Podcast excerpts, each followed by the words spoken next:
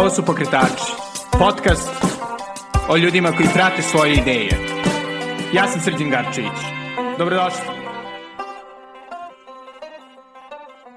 Ćao i dobrodošli u najnoviju epizodu Pokretača.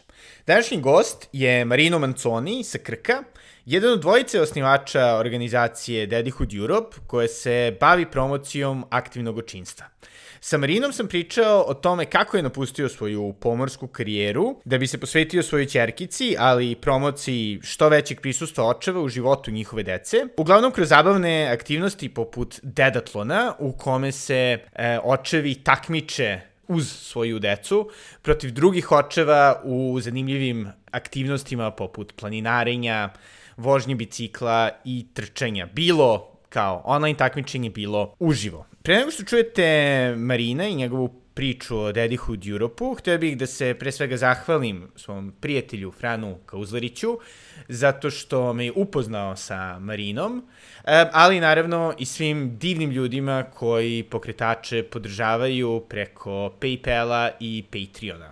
Ukoliko i vi želite da postanete mecena, to možete učiniti na adresi paypal.me kosacrta s Garcevic ili bolje preko Patreona na adresi patreon.com kosacrta Belgrade. E, tako ćete dobiti raniji pristup e, često dužim verzijama emisija i naravno ovaj, osigurati mesečnu podršku e, što pokretačima, što mom blogu The Natural Times. A sada, bez duženja, ovo je sjajni Marino Manconi iz Daddyhood Europe.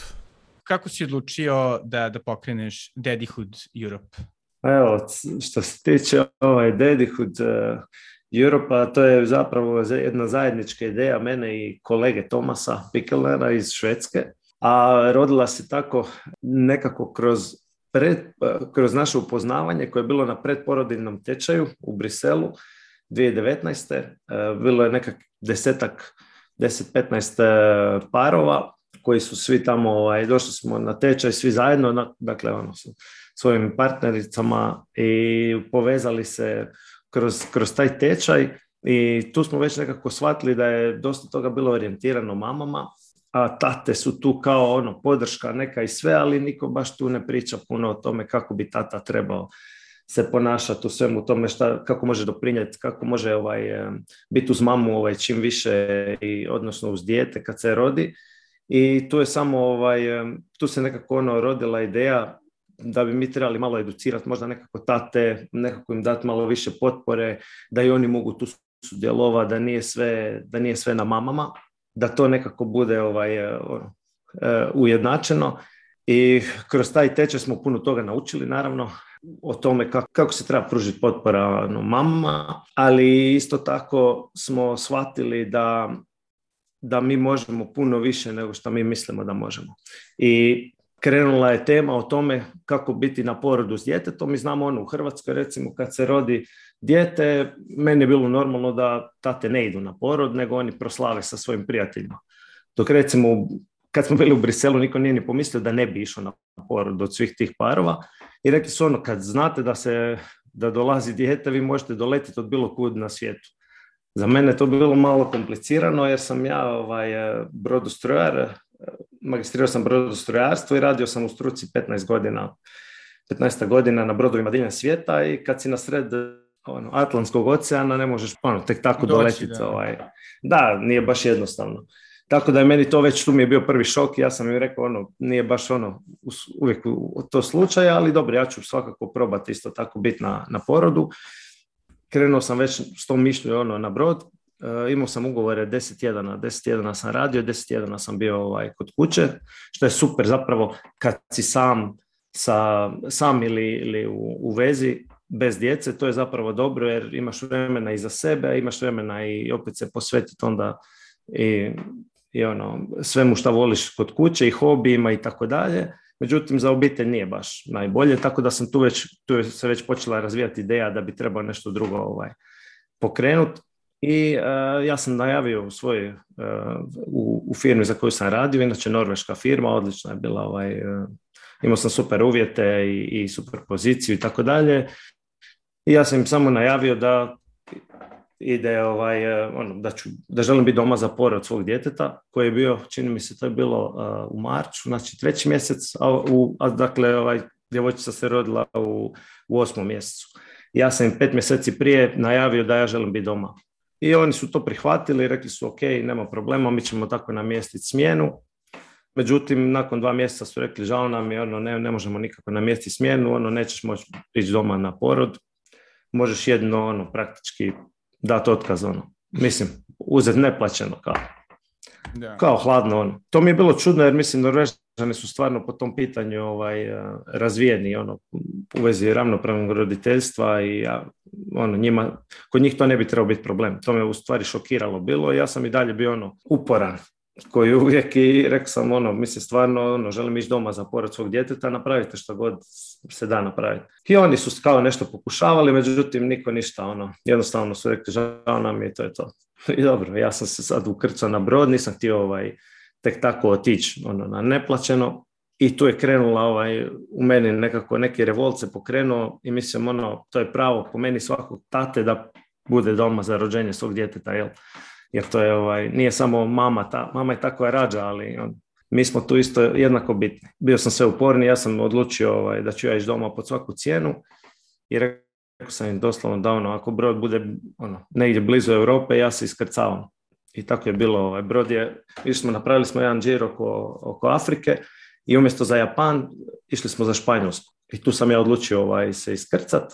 Zapravo sam onda i dao otkaz i e, oni su našli smjenu u dva dana, to se sve ovaj, uspjeli skombinirati. Iznenadio sam suprugu doma koja je skoro rodila ono, na sred e, dnevnog boravka od šoka jer nije znala da ću doći doma. Tako da. Ono. Bio sam doma ovaj, na porodu e, djeteta, prvi sam je primio u ruke, obukao, to mi je, i to mi je bilo ono, mislim, stvarno neprocjenjivo. Ostao sam tri dana u bolnici sa svojom suprugom i, i kćerkom i to mi je bilo prekrasno. Evo, stvarno moram, moram reći da mi nije žao e, sekunde ovaj, što sam to mhm. napravio.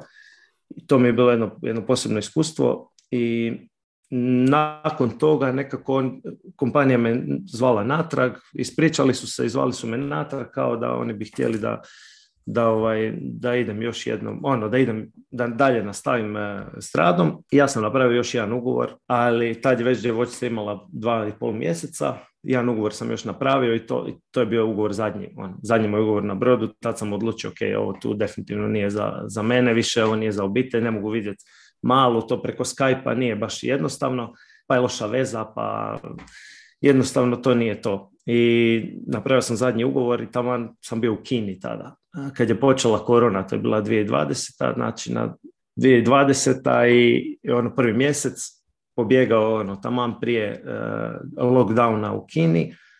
Došao sam doma i, i onda smo nekako ono rekli sad nam treba jedno vrijeme za se malo resetirati. Ono. I otputovali smo u Španjolsku na dva mjeseca zajedno sa, ovaj, znači sa bebom, zapravo šestomjesečno tada i to je bilo isto prekrasno jedan period, onako dva mjeseca, onako samo mi na jednom mjestu, ono, e, daleko od svih utjecaja vanjskih i tu sam odlučio definitivno da želim promijeniti ono, karijeru i u tom trenutku se javio moj taj prijatelj Tomas kojeg sam upoznao na predporodilnom tečaju i javio se i rekao da ima neku ideju da pokrenemo nešto za tate da ovaj, e, ono, da jednostavno ono, ima osjećaj da bi to, da je to potrebno i da, da mi to možemo i, i tako htio je ovaj, sa mnom surađivati i to se baš poklopilo lijepo sa mojim, e, sa mojim odlukom o promjeni karijere. I moram priznati da mi je to bilo ono vrlo šokantno, inače mislim da otkaz otkazi i nakon 15 godina i, i, i, pozicije koje sam imao i plaće, dakle svih uvjeta koje sam imao do tada, to mi je bilo mentalno ono, stvarno teško prihvatiti da ću ostati bez svega toga i da ću sad biti ono, doma. Ali eto, tu me nekako izvukla ta nova ideja da pokrenemo nešto novo, nešto, nešto dobro za, za svijet. I tako smo krenuli u, u priču šta bi mi to mogli napraviti i odlučili pokrenuti neprofitnu organizaciju za promociju, eh, promicanja promicanje zapravo aktivnog očinstva i nazvali smo je Dedihood Europe. Zašto baš, ono, Dedihu nam je bilo kao simpatično, ono, kao neko očinstvo, ali ono, tat, tatinstvo, recimo tako. I onda Europe, zato jer smo nekako, povezali smo se u Briselu, on je iz Švedske, ja iz Hrvatske i to je nekako trokut, ovaj, europski trokut i onda smo rekli, ajde, ono, moramo to, ovaj, eh, moramo to pokrenuti pa ćemo vidjeti kako, ovaj, kako dalje. I sad smo, ovaj, krenulo je tako da smo imali smo par neformalnih druženja i to je bilo ovaj, na Krku. Evo, ja sam inače sa Krka, znači iz Hrvatske, e, sa Krka, kao i moja supruga iz e, Punta, iz isto smo čak i mjesta. I tamo smo mi pokrenuli ovaj, prvi naš event i to je bilo simpatično. Evo, mi smo kupili smo e, bilo je neki desetak tata sa djecom i mame su tad, u isto vrijeme mame su imale jogu i družile se uz piće, a mi smo se bavili s djecom, razgovarali o djeci, radili neke vježbe s djecom, imali smo nekako, ono, cijeli dan smo napravili nekakav program i to nam je bilo baš ovaj, eh, evo, zanimljivo i svim, svima koji su bili tamo. I tu smo mi razgovarali o tim potrebama zapravo koliko tate treba ohrabriti, ohrabriti da oni preuzmu inicijativu i da se više bave s djecom i da je to e, potpuno normalno i potpuno u redu i da, da tu nema ništa čudno, da nije mama uvijek uz dijete, da može biti tata, da je sve stvar zapravo dogovora To su bili nekakvi zaključci. Te iste godine smo mi zapravo, mi smo zapravo pokrenuli neku ono, e, recimo e, grupu tata s kojima smo razglabali i tako dalje, međutim još nam je ono, nedostalo je nam je pokrenuti nekakav projekt i pošto je e, Tomas, inače baš on sportaš, poluprofesionalni trkač je i on je čak ono, trenirao je vrlo ozbiljno, bio na više maratona i čak je jedno vrijeme radio kao coach, e, kao trener trčanja. I on je svake godine e, trčao Ekiden maraton, to je, ne znam da li si čuo za to, ali to je mm, Ekiden je od brenda ASICS, oni su pokrenuli jedan virtualni maraton po cijelom svijetu na kojem bude preko 40.000 trkača iz cijelog svijeta i tu su timovi od e, šest ljudi koji zajedno otrče taj maraton. Nije bitno ko koliko otrči, bitno je da zajedno 42 otrče kao ono e, šest, dakle šest ljudi mogu otrčati svako sedam, a može, može, ovaj, može i ono biti po dogovoru. I tu je e, pala prva ideja kao ajmo mi to, ajmo, ajmo se mi okupiti i otrčati to sa, sa djecom u kolicima, ono, jer smo tad svi imali nekako malu, e, mališane, ono, od tipa godine do dvije godine.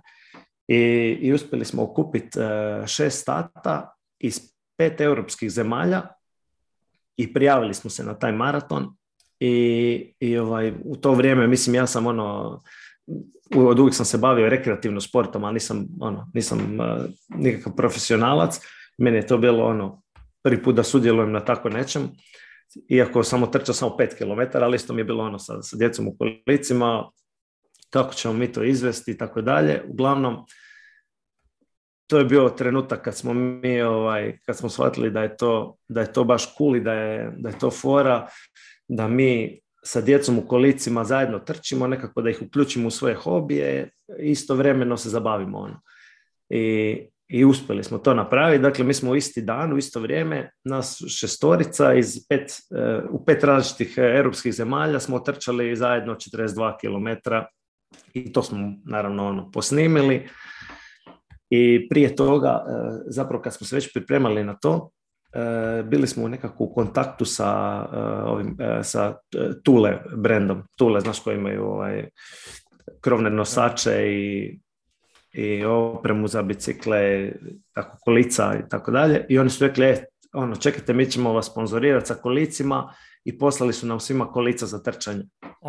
I to je bilo, to je bilo super, ono, doslovno u dva dana. Ono, oni su rekli, kada trčite u subotu, evo mi vam svima šaljemo kolica za trčanje, ono, ovo nam je super projekt, samo nastavite, ajde, ono, ovaj, ono, svi ovaj, um, zapravo nije ni sigurno baš trčati sa običnim kolicima, trebaš imati kočnicu i treba biti ono, ipak su tu nekakve drugi, drugčiji standardi ono, kolica koje su namijenjena za trčanje od ovih običnih kolica. Tako da je to isto bilo ovaj, super. Dobili smo ovaj, svi kolica i otrčali, otrčali to ovaj, bez problema.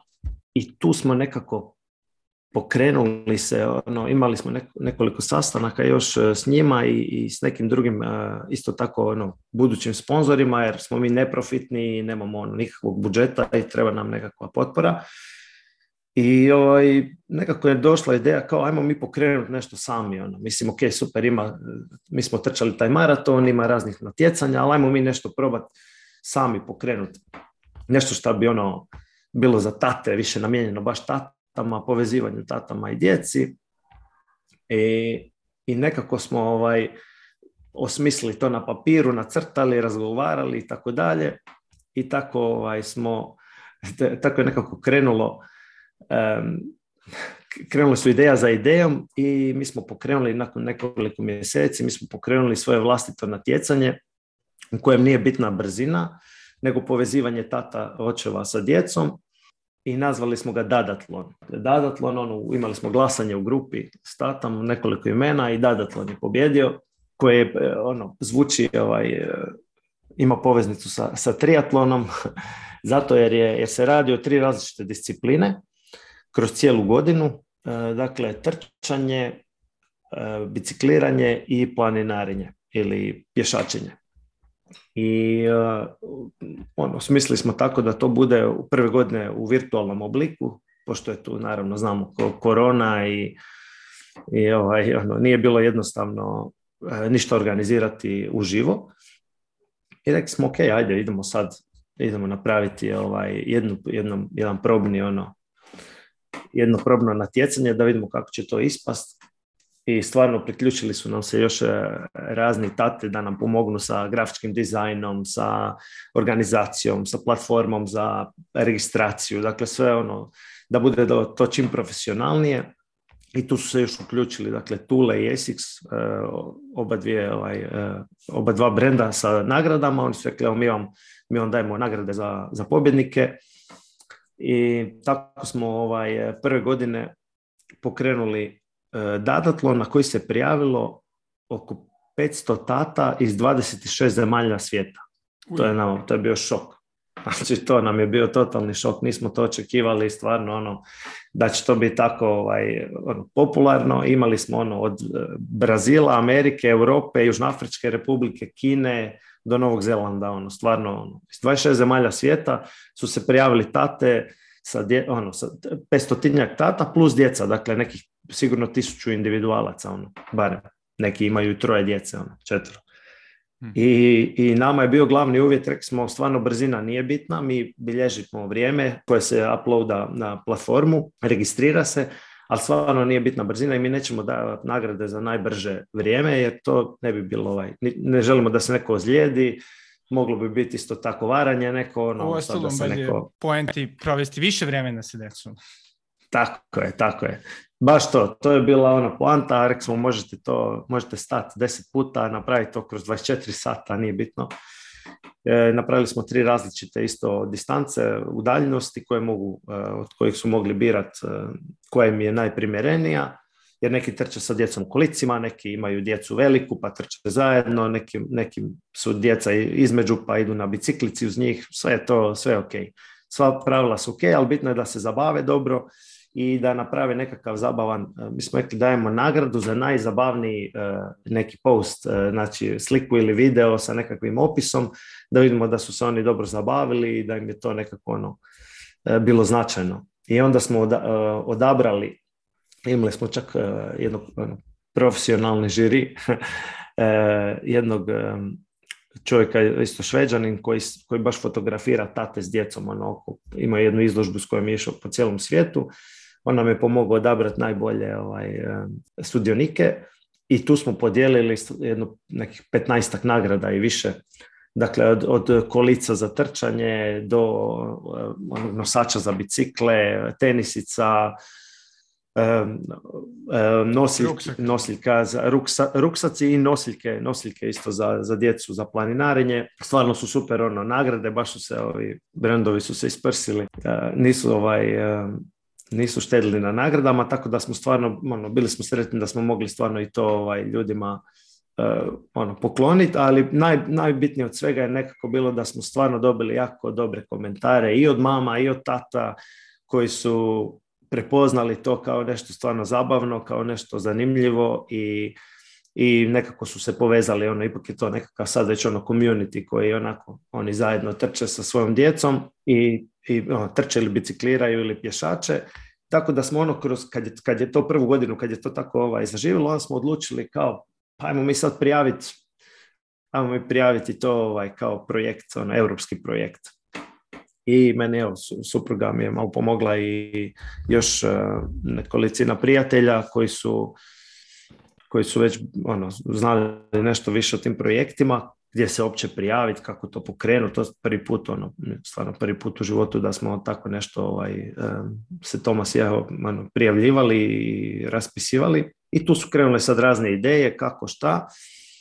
I mi smo Dadatlom prijavili na europske fondove, na Erasmus plus sport, e, na program baš za sport. E, dakle, dobili smo projekt i omogućio nam je da sad napravimo e, dadatlon u live izvedbi, dakle u tri zemlje, u tri evropske zemlje, u Nizozemskoj, Bugarskoj i Hrvatskoj, kroz godinu dana, dakle, da budu baš utrke uživo, i evo već smo organizirali prvu utrku u Hrvatskoj, bila je u četvrtom, e, kraj četvrtog mjeseca u Puntu na Krku. Pošto imamo partnere, mi smo se povezali sa partnerima iz Hrvatske, iz Nizozemske i Bugarske, tako da zajedno ono nekako da nam pomognu organizirati na lokalnim mjestima te, te utrke i to je bilo jako uspješno, stvarno e, odličan odaziv.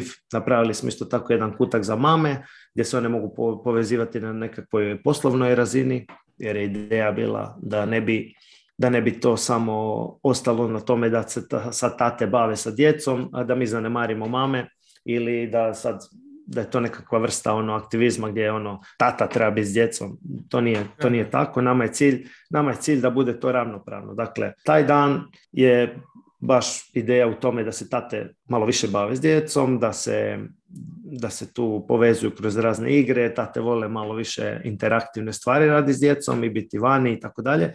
A dok mame se recimo, imaju, imali smo razne radionice za mame koje su onda mogle se povezivati na toj nekakvoj razini poduzetništva. Dakle, da nije ono sad zato jer, on, jer mama ima djecu, dijete ili djecu, da ona sad, da je njoj život u djeci. Dakle, ako ona ima ideje za hobije eh, ili za nekakve poduzetničke poduzetnički, poduzetnički duh ili želi nešto ostvariti, da isto tako to moguće u dogovoru sa svojim partnerom da se sve može ovaj eh, da se sve može ovaj postići. To nam je bila neka ideja da ih malo motiviramo. I to na jednom malom ono, na jednom otoku u jednoj manjoj sredini, to je baš ono, mislim, interesantno je to pokrenut baš tamo. U gradovima je to možda malo, ipak ajde, već normalnije, ali u, jednim, u manjim sredinama je još uvijek to malo ovaj, neobično. I to je bilo, bilo je zanimljivo vidjeti kako su onda mame kako se mame druže na, e, onako kao malo, ajmo tako reći, bez djece, tate su išli otrčati, bilo je, u, na Krku je bilo 130 tata plus djeca, dakle jedno 250 individualaca koji su trčali uz more, 3 km smo trčali i imali smo ovaj e, startni luk, e, imali smo dio za, za hranu, imali smo ovaj dvorac na napuhavanje, baš je bilo ono jedno, jedan krasan ovaj, jedan lijepi, jako lijepi event. I, to smo, to je stvarno evo, uspjelo je ovaj, u potpunosti na Krku i sad još e, planiramo dva, e, dva eventa, dakle dva festivala, dva dadatlon festivala. Sljedeći je u Bugarskoj koji nam se evo e, bliži, to će biti 25. rujna, dakle za nekih 8-9 dana i u Nizozemskoj će biti bicikliranje, dakle u Bugarskoj je, je planinarenje, pješačenje, koje će isto biti tako nekih 3 km, a onda u e, nizozemskoj će biti bicikliranje. Dakle, koncept je sličan, ono, samo je na različitim mjestima. Jel ljudi moraju da se prijeve za sva tri ili je moguće da ono svako radi bilo pa koje? A mi imamo, tako da, znači, naš dadatlon e, koji je u virtualnom obliku, on je i dalje, dakle, mi, mi smo ove godine opet pokrenuli taj virtualni e, dadatlon i tu se E, tu ljudi biraju da li će se prijaviti na cijeli dadatlon koji je sve tri discipline ili će samo pojedinu disciplinu odabrati. Ali bitno je da, dakle, da kad se oni kad se registriraju, ako odaberu sve tri discipline, da, da isto tako ovaj, e, da uploadaju rezultate na stranicu koja je za registraciju i da, i da ovaj, stave na društvene mreže nek, objavu neku da, da naprave sa kako sa djecom trče, bicikliraju ili, ili planinare ili sve, svoje troje naravno i, i označe uh, dakle nas uh, e, Daddyhood Europe. To je mhm. znači bitno da, da mi možemo ovaj, vidjeti da, su oni, da oni sudjeluju i kažem mi ove godine smo odlučili tek na kraju podijeliti nagrade tako da još uvijek zapravo svi imaju svi koji se žele priključiti mogu se, mogu se priključiti i mogu, kažem, mogu odabrati da li će sve tri discipline ili samo jednu ali mislim da je za svakog ima po nešto jer smo imamo od malih udaljenosti do, do ovih za ono, poluprofesionalce, tako da ono. Da. Možda, možda čisto ono, da, da se vratimo na, na početak, pošto uh je onako dosta, mislim, zanimljivo uopšte tvoja odluka da daš otkaz. Ka, recimo, siguran sam da si imao neke prijatelje na brodu s kojima si pričao o tome, naravno i s svojom suprugom. Mm Kakve su bile njihove reakcije kada si rekao ne, ja moram da budem na porođaju svoje žene? To je bio jedan proces. Ono, to je bio jedan proces eh, i u mojoj glavi i u, u mojoj okolini koji je trajao nekoliko mjeseci i naravno supruga je to potaknula i podržavala. Eh, meni je bio šok E, meni je bio šok da to ovaj, donje tu odluku, a u mojoj okolini i okruženju na brodu to je bilo praktički, ne bih rekao da je to neprihvatljivo, ali je bilo jednostavno ovaj, neshvatljivo. Njima je bilo to neshvatljivo, zašto bi ja sad išao doma na porod, jer ono, kao je bilo komentarano pa lakše je ono, kad te nema, E, bilo je komentara onako kao, ma šta ćeš sad biti, ono, šta ćeš biti doma kao kućna pomoćnica, e, mhm. šta ćeš sad raditi, ono, pa, ono, šta ćeš sve ovo ostaviti zbog toga jer ti se rodilo dijete, ono, znači jednostavno to je, u tom svijetu je to jednostavno onako ljudi su to dosta dosta onako olako svačali i ne mogu reći da sam imao podršku u tom svijetu, tako da sam ja to procesuirao sam sa sobom najviše na, na brodu i to je, bilo, to je bilo stvarno teško. To je bilo teško mentalno eh, prihvatiti ono, biti kao sam protiv svih i ono otići nekim smjerom koji si sam zacrtao i, ovaj, i ne vratiti se opet eh, tamo ehm, gdje si naviknuo, gdje imaš stabil, stabilnost gdje imaš dobre uvjete i tako dalje, išli na nešto ono potpuno drugčije. još neprofitno. E, to je bio veliki šok, moram priznati, tu sam se e, čak i možda i godinu dana sve zajedno ono borio sam sa sobom u glavi dok nisam se pomirio s tim da je to dobro i da je to dobra odluka bila i da je to nešto što ono, će me oplemeniti, naučiti nekim drugim stvarima, upoznat novim, s novim ljudima i tako dalje. E, svakako jedan onako, to je bio jedan dugi proces. E, međutim, mislim da svaka osoba kad dođe do, do, do neke spoznaje, do nekih e, razmišljanja kako nisi zadovoljan u trenutnom svijetu gdje jesi i, i, i sa stvarima koje radiš, da svaka osoba treba se preispitivati i pronaći nešto nešto novo, probat nešto novo. Jer nema ništa loše u tome da probaš nešto novo. Pa i ako probaš pa ne uspiješ, uvijek se možeš vratiti. Da, e. pošto meni je to naravno isto izrazito zanimljivo, pošto nažalost ovi, u mojoj porodici, da kažemo, već, već tri generacije nas, kažem, su muške strane ovi, nisu imali dosta prisutnog oca, nažalost moj otac i, i moj deda, zato što su im očevi umrli, relativno mladi. Mhm. Ja, opet, nažalost, zato što je tata, to što je li bila kriza 90-ih, sve dosta morao da radi van Srbije i, i nekako jednostavno ono, ekonomski nije bilo moguće.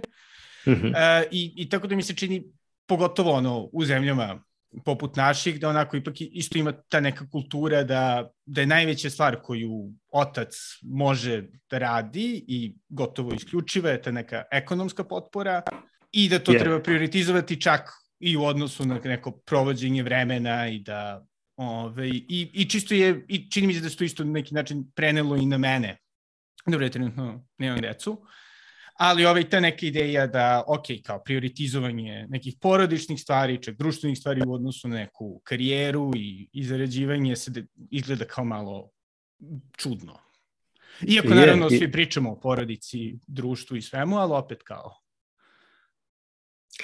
je teško je, da, i čak ono pričat o tome e, možemo, ali kad to stvarno trebaš napraviti, e, onda je, je ovaj, šokantno, kao što sam rekao, to je bio proces, nije bilo preko noći i nije bilo lako, ono, definitivno, ali moram isto tako spomenuti da sam ja šesta, e, šesta generacija u obitelji pomoraca ili ono, neko ko ima poveznicu sa brodom, tako da to je bilo još teže isto tako ono, prekinuti tu tradiciju. Mhm. E, dakle, nije, samo ja, ja sam imao isto primjer oca koji je bio na brodu, koji je bio odsutan, ali smo nekako se uspjeli povezati. On je cijelo vrijeme mi je, ovaj, nekad smo bili povezani preko ono, telefona, kad je jedna minuta preko satelita koštala ne 10-15 e, dolara, do onda kad smo prešli na e, e-mail i video pozive kasnije i tako dalje, a, e, pisma koja smo čekali po mjesec dana i uspjeli smo se nekako ipak ostati jako povezani i dan danas mi je on ono, jedan od najbližih ljudi i e, bez obzira na to što je bio udaljen. Tako da ne bi ja nužno rekao sad, nije da sad potičem svih da, da budu doma sa porodicom, da, da ostave svoje poslove, nije to poanta. Poanta je samo u tome da ja sam imao tu sreću i mogućnost da je moja supruga e, radila za ono dobro smo, bili smo dobro stojeći, dobro smo zarađivali i e, ona jednostavno, ono, zajedno smo nekako donijeli tu odluku. Znači, to je moja poanta priče da ono, svako zna za sebe najbolje. Oni koji nemaju odabira, nije to najgore ono, da si ti odsutan, ali samo da se nekako povežeš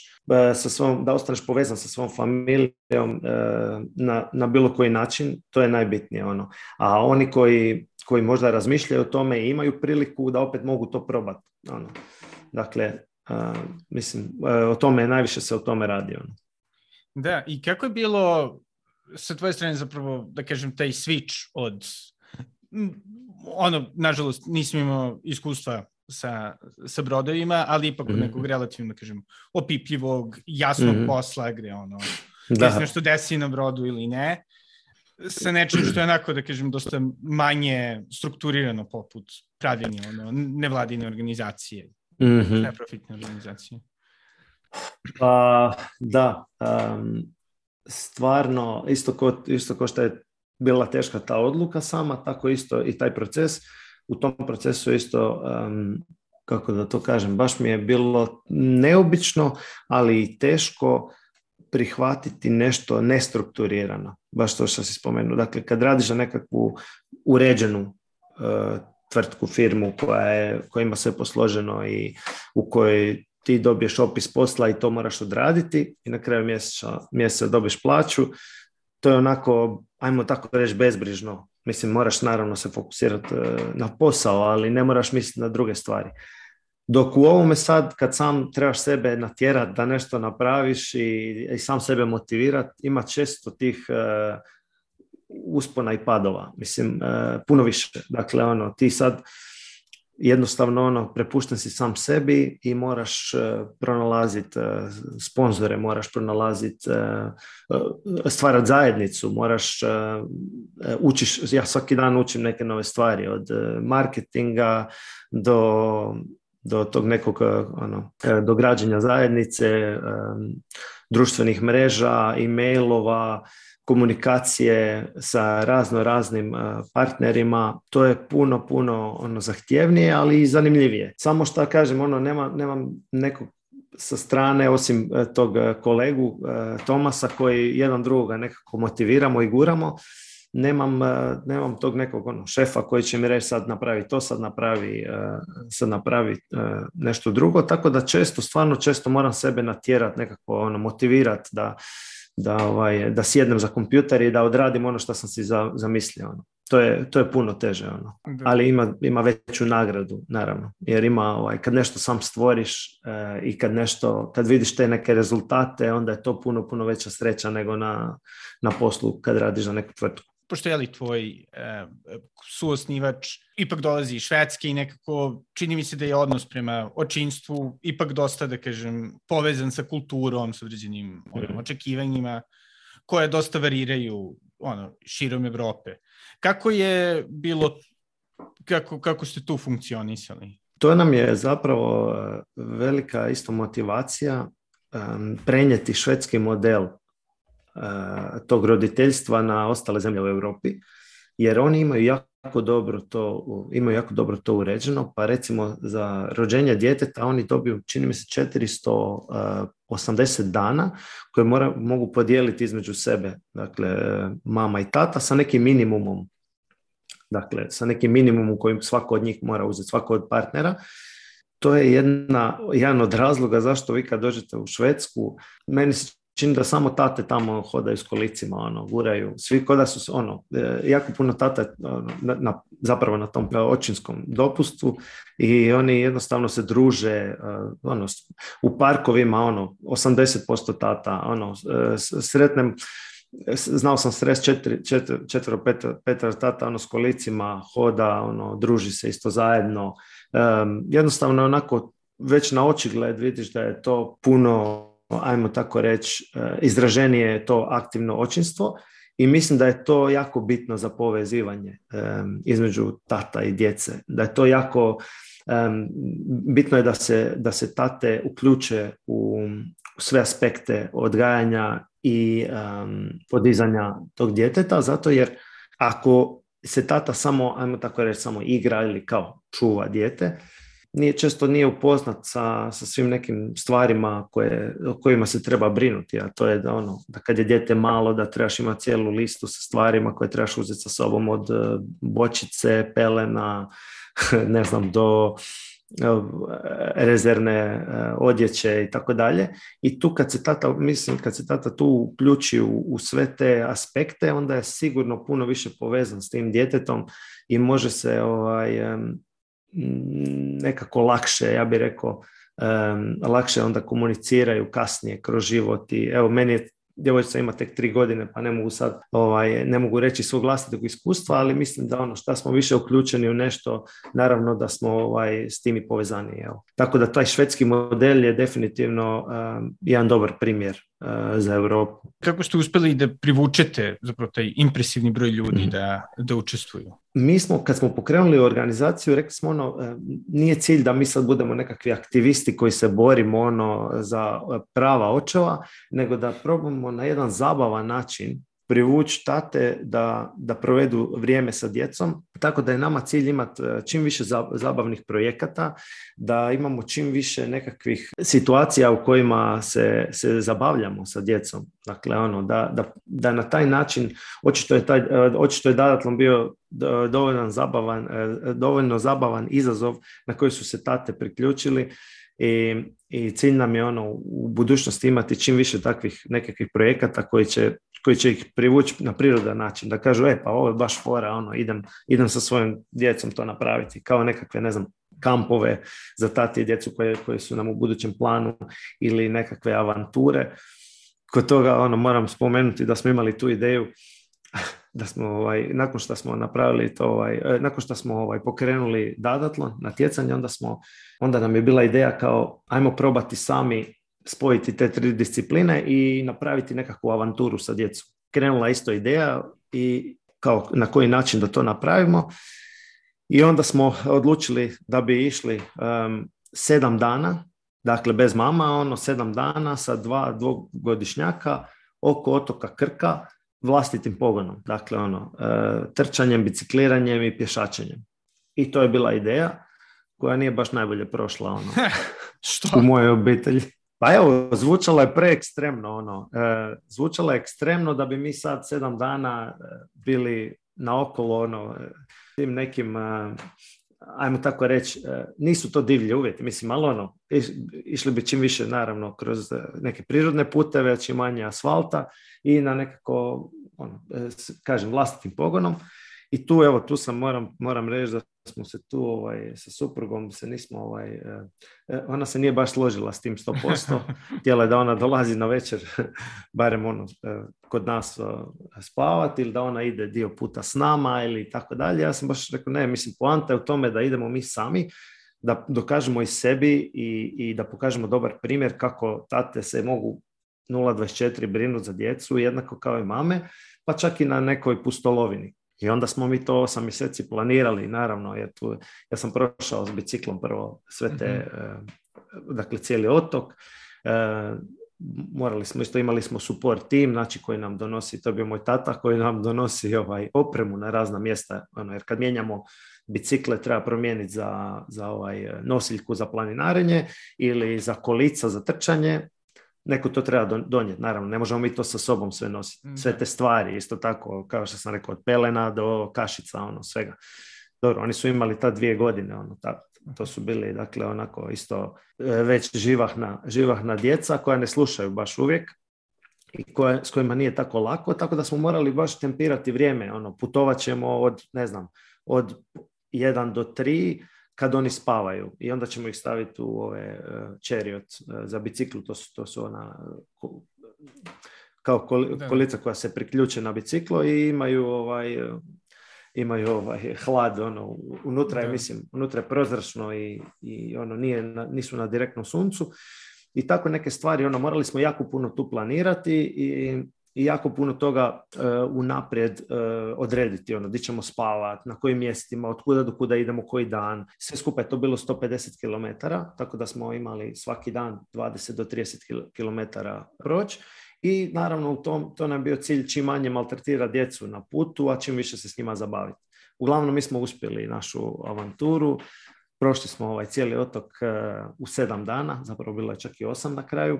Imali smo ovaj kamermane koji su nas snimali, oni su nam i pomagali malo e, sa, sa opremom nekad i sa djecom. Moram priznati ono tako da ono, nekad, nekad nam je stvarno trebalo pomoć, trebala malo pomoć, ali smo uglavnom sve uspjeli odraditi, djeca su bila sretna, uglavnom imali su naravno tantrume i plakali i sve skupa, ali puno manje nego što bi to bilo kod kuće. Meni je teže biti doma sa djetetom nego vani. Ono. Mi smo se vani, uvijek nađeš nešto novo, uvijek nađeš nek, nešto zabavno. Tako da je nama biti puno bilo lakše s njima vani nego što bi nam bilo da smo morali biti 7 dana u zatvorenom prostoru. Da, što isto, mislim, ok, dobro, kao neko ko nema decu i ne znam više ništa o njihovom podizanju, Mislim, ali opet, eto, deluje mi da je njima nekako zanimljiviji da više uče i da nekako i oni sami postaju samouvereni kada ono su neki malo različitim uslovima, a ne kada su ono non stop, a nemoj to da pipaš, ubićeš okay. se, šta ćeš na polju, pregazit ćete kola. je, je, baš, baš to, mi smo, evo ja sam uh, u tih 7 dana e, niti jednom, uh, moja nije, niti jednom pogledala u ekran skoro, dakle nikakav ni crtić, ni ništa ovaj, na, ni na mobitelu, ni ničem drugom. E, igračke nismo uopće uzeli sa sobom, nego sve što smo našli u prirodi, to bi nam bila igračka. Ono, od šišarki, granja, kamenčića do ono, e, ne znam, e, raznih biljaka s čim smo se igrali i, i jednostavno stalno su bili nova uzbuđenja i mi smo imali naravno Išli smo u svakom mjestu bi otišli na nekakav izlet, na izlet podmornicom ili vidjeti životinje ili bi išli e, u neki malo zoološki vrt ili bi išli ono na nekakve atrakcije, akvarije i tako dalje. Tako da njima stalno bilo, njima je stalno bilo zabavno i, i sigurno im se sigurno im je bilo, ovaj, urezalo im se u, lijepo, lijepo usjećanje. I ja stvarno u tome nisam vidio nikakav problem, ali drago mi je opet da sam imao s druge strane taj izazov sa, sa suprugom i, i, jednim dijelom obitelji koji se nije s tim slagao jer mhm. sam onda mogu propitati ono, e, mislim sebe i, i cijeli taj, cijelu tu pusto, pustolovinu i, i, i ti svi u biti komentari koji su recimo negativni nam pomažu da se mi razvijamo i da vidimo na čemu trebamo raditi. Ono. Jer ja sam rekao, na tom otoku sam rođen, praktički odrastao i ja imamo support tim i nisam vidio ništa opasno u tome i mi smo cijelo vrijeme uz djecu. Dakle, ja apsolutno nisam vidio nikakav problem. Ali evo, kažem, drago mi je da ima tu, ono, da čujemo razna mišljenja i ljudi koji se s tim ne slažu, zato jer im to nije prirodno. Mislim, kad je mama sa, djetetom sedam dana, niko ni ne trepne, ono. Ali kad tata odluči biti s djetetom sedam dana bez mame, onda kao, kao treba vidjeti zašto, ono, kao, šta se događa. Da, da, da, da, da, da, ali pretpostavljam na neki način ono da je to isto uopšte, mislim, dosta zanimljivo i za, i za odnose, ali sa suprugom i širom porodicom, uopšte to neko građenje ono, i poverenja međusobnog i nekako shvatanja šta ko zapravo želi. Tako je, tu je poverenje jako bitno i pogotovo e, jedno dobro pitanje se uvijek postavi da li mame kao takve, isto, e, da li one dovoljno imaju poverenja u svoje partnere da, da im prepuste djecu i da li se mogu oni odljepiti zapravo od ideje da i, i, i, fizički i psihički da li se mogu odljepiti od djeteta i potpuno se prepustiti ono, nečem drugom dok je recimo partner sa, sa, sa djetetom ili djecom jer nekad isto tako može se dogoditi da, da, da one imaju osjećaj da moraju biti cijelo vrijeme uz dijete i onda se tu stvori jednostavno ne dopuštaju, one ne dopuštaju dovoljno svojim partnerima da se uključe i onda su samim time one više kao uključene, ali nisu možda dale ni šansu.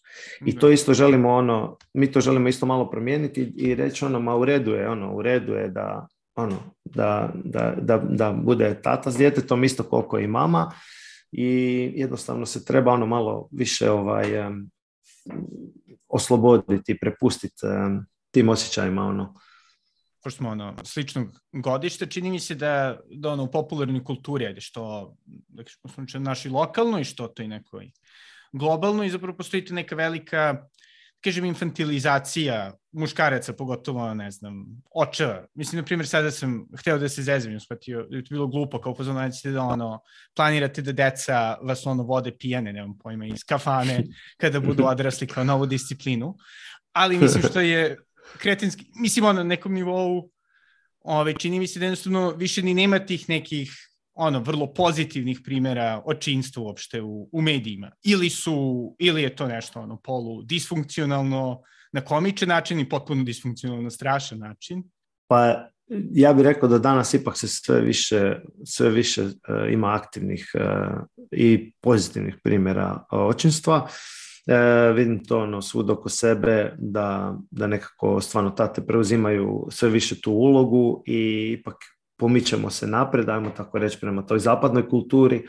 Ne bih rekao da su, ovaj, da su tate izuzeti iz te priče o, o, o zapravo o sudjelovanju u aktivnom očinstvu, ali u zapravo u odgoju djeteta, ali ipak statistika pokazuje da su još mame puno, puno više uključene u to i tate imaju problem recimo uzeti e, pauzu s posla, e, dakle ono očinski dopust, imaju problem jednostavno se ono, prihvatiti da će biti sad, ne znam, pola godine s djetetom ili mjesec dana ili dva mjeseca.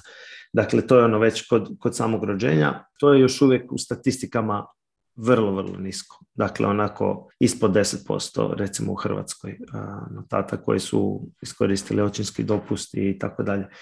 I mislim da se to, e, to će se promijeniti kad se zakon promijeni, e, kad se uvede neka ono normativ, nekakav da, da se ono, neki minimum, ko što je sad minimum, ne znam, 10 dana, da isto tako bude minimum jednostavno, ne znam, dva mjeseca, da mora tata biti doma s djetetom i onda će se to, onda će se to prirodno po meni promijeniti, jednostavno će postati to onda normalnije i niko neće tome više pridavati takvu pažnju. Šta si ti nekako najviše naučio za ove e, tri godine očinstva nekako? Šta, šta misliš da, da te najviše iznenadilo svakako za te tri godine? E, strpljenje.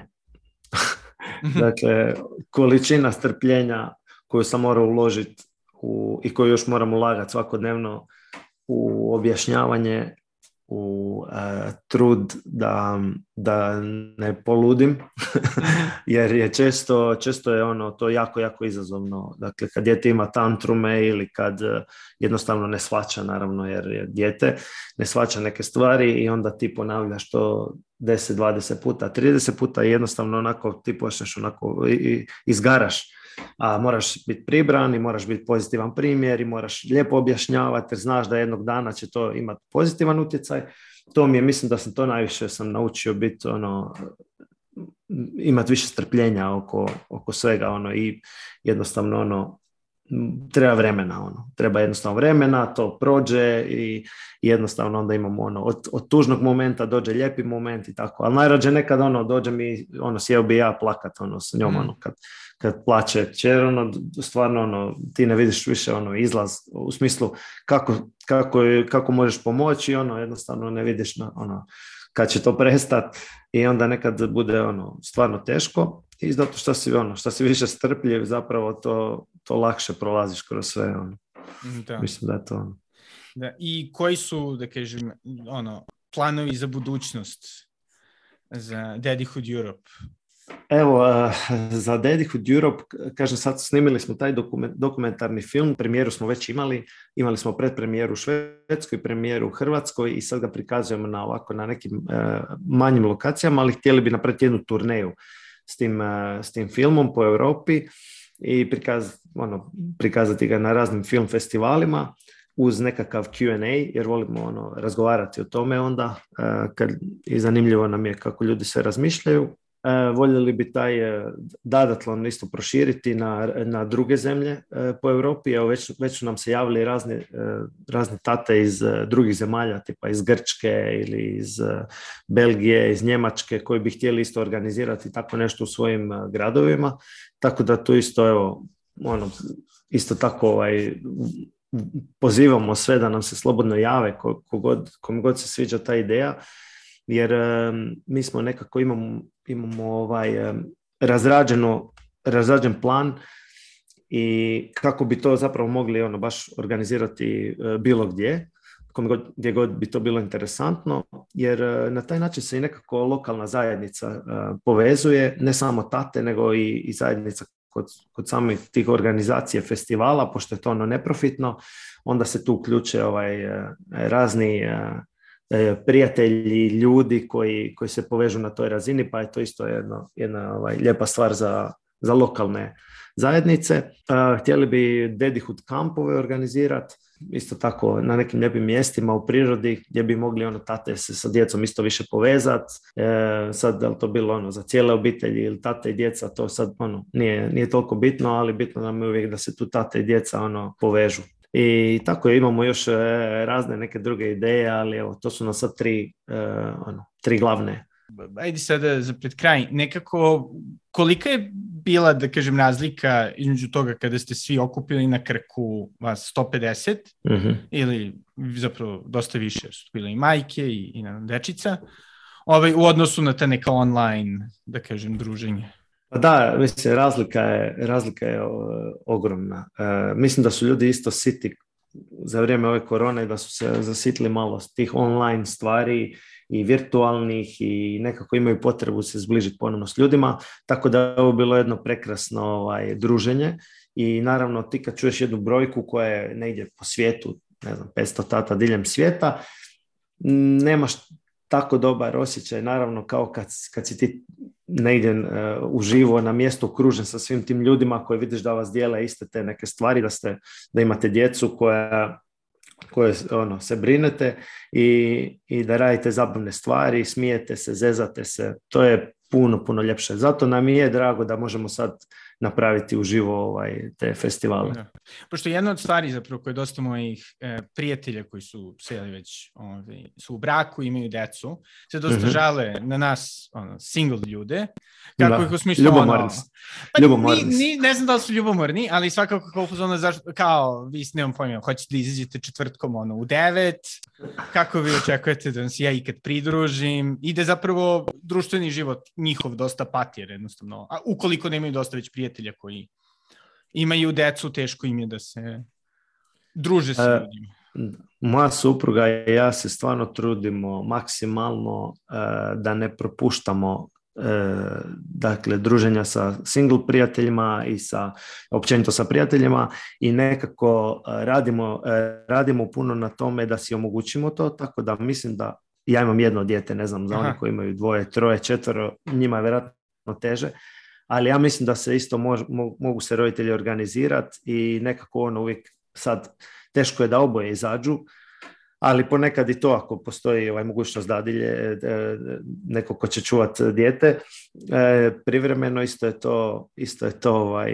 moguće, ali evo mi bar se trudimo da jedan od nas izađe van, dakle sa prijateljima, pa to, da li to bio srijeda, četvrtak, nedjelja, to nema veze. Ono. Ja mislim da je ovaj, da je to, ovaj, da treba raditi na tome, da se ne propušta ovaj, sad nekakve stvari zato jer imaš djecu. Mislim da djecu treba voditi sa sobom gdje god možeš, a tamo gdje ne možeš da se treba podijeliti reći da jednu večer sam ja s djecom, drugu večer si ti s djecom i, i ono, to je znači, to. Ne, ne treba skroz promijeniti ekipu. Ne, ja mislim da ne treba promijeniti ekipu, ali, ali ono što sam primijetio koje je, ono što je, ajmo tako reći, može biti problem, je to što dok si single ne razmišljaš toliko o djeci i ne slušati se baš te teme dječje, ono, u vezi djece, tako da ono, neki put su ti razgovori, moraš se malo ono, naći e, na nekoj zlatnoj sredini i razgovarati o nekoj trećoj temi vjerojatno, jer, e, jer jednostavno ono, kad, te kad dobiš dijete, sve ti se nekako vrti oko djeteta i onda ti se samim time, tvoji prijatelji postanu svi prijatelji koji isto tako imaju djecu, od kojih ti možeš nešto naučiti, kojima se možeš e, požaliti, koji će ti dati nekakav savjet ali pa onda treba možda neko vrijeme treba proći da se opet povežeš sa ovim eh, single prijateljima, ali isto tako imamo i puno pozitivnih primjera gdje smo ono, sa, sa single prijateljima ono, bolji nego ikad i pratili su nas, e, ono, idemo na izlete zajedno, idemo na, ono, družimo se konstantno i, imamo, i trudimo se onda isto tako imati nekakve, ono, pronaći nekakve zajedničke teme koje, ono, da ne opterećujemo ljude sad sa tim nekim dječjim stvarima, ono. Tako da mislim da se može pronaći, ono, neka zlatna sredina. I na neki način im pokažete da nije ni toliko loše imati djecu. pa, pa naravno, pa ne, nije, pa da, ne, to je svakako ono, e, to je uvijek pitanje po, nama isto kao što smo rekli ono ravnopravno roditeljstvo je isto tako kao i odabir da li ćeš imati djecu ili ne ima djecu. Po meni nije loše e, ne ima djecu i nije loše ima djecu. Dakle, sve stvar dogovora i odabira. Ono. Ma baš to, individualno. Ja ne vidim ništa loše u tome. Meni baš paše ono se podružiti sad s ljudima koji nemaju djecu jer mi malo otvore vidike prema nekim drugim stvarima i ono, isto tako mi je cool uzet, ono, odvesti svoju djevojčicu na pivo sa, sa frendom ili na nekakav ono, na neku avanturu, pustolovinu, izlet, gdje god ono. Mislim da je to sve, da je sve ok ono. Evo za sam kraj, ovaj, koji bi bio tvoj savjet, eh, ajde, mladim očevima ili u krenu mm. porodicama?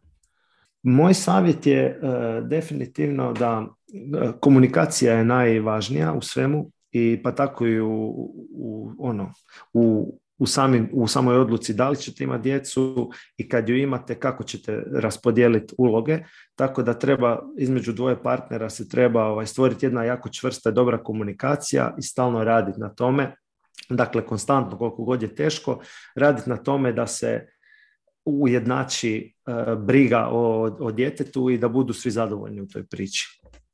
Ili imaš nešto što bih htio da dodaš? Pa evo, ovaj, možda jednu malu anegdotu, samo to mi je ovako jedna simpatična ono, priča što se tiče promjene putovanja. Supruga i ja volimo jako puno putovati. Prije djeteta smo bili puno više na nekim daljnjim putovanjima, pa smo isto tako saznali da je supruga trudna kad smo bili u Kambođi i tad nam se promijenio ovaj, putovanje po Vjetnamu i Tajlandu se, se promijenilo ovaj, dosta u odnosu na to kad, ono, da nije, da nije supruga bila trudna, ali kad se djevojčica rodila, to sam, sam spomenuo prije da smo išli u Španjolsku dva mjeseca i to je bilo jedno zanimljivo onda, zanimljiva prekretnica gdje smo mi imali sa sobom 130 kilo kilograma stvari. Dakle, eh, valjda četiri kofera, kolica, i nosiljke i razno razne stvari i onda nas je ulovila u Španjolskoj, eh, pa ulovio nas je lockdown jer je taman došao eh, iz, taman se proširila korona po Europi i onda smo morali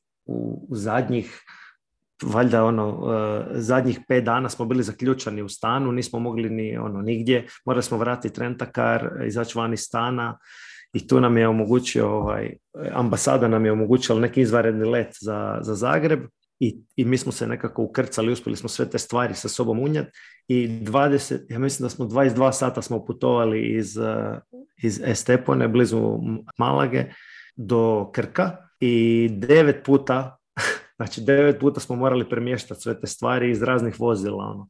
Tako da to mi je ovako bila jedna ono, priča sa, sa djetetom koje, koje je baš, ovaj, ono, imali smo maske, rukavice i kažem 130 kila stvari i, i to smo stalno premještali ono, cijeli dan s jednog stvari na drugi i naravno dijete koje spava na nama, ono, malo na meni, malo na supruzi i to je bilo onako baš ovaj, evo, to nam je označilo ono, mislim da je to bilo zadnje veće putovanje. Ono. A jeli, ok. Sad, smo, sad se samo krećemo ono autom po Europi kao ovaj, na bliže destinacije. I ali svakako je bilo korisno biti fit za tih 130 kg. Da, da, da, Je, je, definitivno je. To je, to je stvarno ono, bila jedna, do, jedan fitness, jedan dobar fitness trening. Ono. I to je bio Marino Manconi. Ukoliko želite da vidite nove akcije eh, Daddyhood Europa, svakako ih zapratite na Instagramu na adresi at daddyhoodeurope, e, jeli, standardno napisano. To je zaista inspirativan projekat e, i lep posticaj da više vremena provodite sa vašom dečicom. To je to od mene za danas. Do sledećih slušanja. Doviđenja.